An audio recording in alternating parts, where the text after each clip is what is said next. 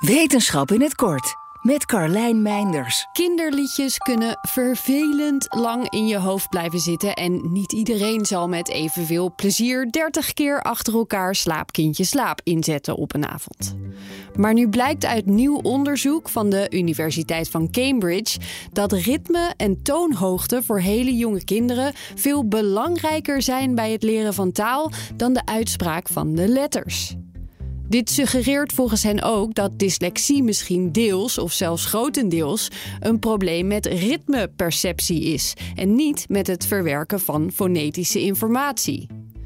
Voor dit onderzoek werd de hersenactiviteit van 50 jonge kinderen bestudeerd uit Engelstalige landen, terwijl ze naar een video keken van een lerares die verschillende kinderliedjes zong.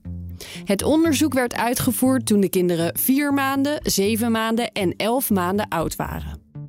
Zo zagen ze dat fonetische verwerking geleidelijk ontwikkelt en pas met zo'n 11 maanden echt wordt ingezet.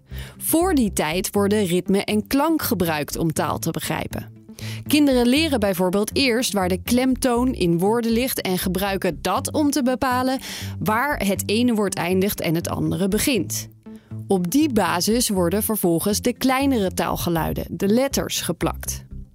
Nou is elke taal ook weer anders en was dit een Engelstalig onderzoek. Toch zou ik zeggen, blijf lekker zingen tegen je baby, want wie weet maakt Poesje Mouw met een hoedje van papier op een grote paddenstoel in de maneschijn net dat ene verschil. Wil je elke dag een wetenschapsnieuwtje? Abonneer je dan op Wetenschap vandaag. Luister Wetenschap vandaag terug in al je favoriete podcast-apps. 30 mei, Unlocked. Het event dat de deur opent naar Composable Commerce. Unlocked is exclusief voor groothandels, brands en retailers. Gratis aanmelden, kega.nl.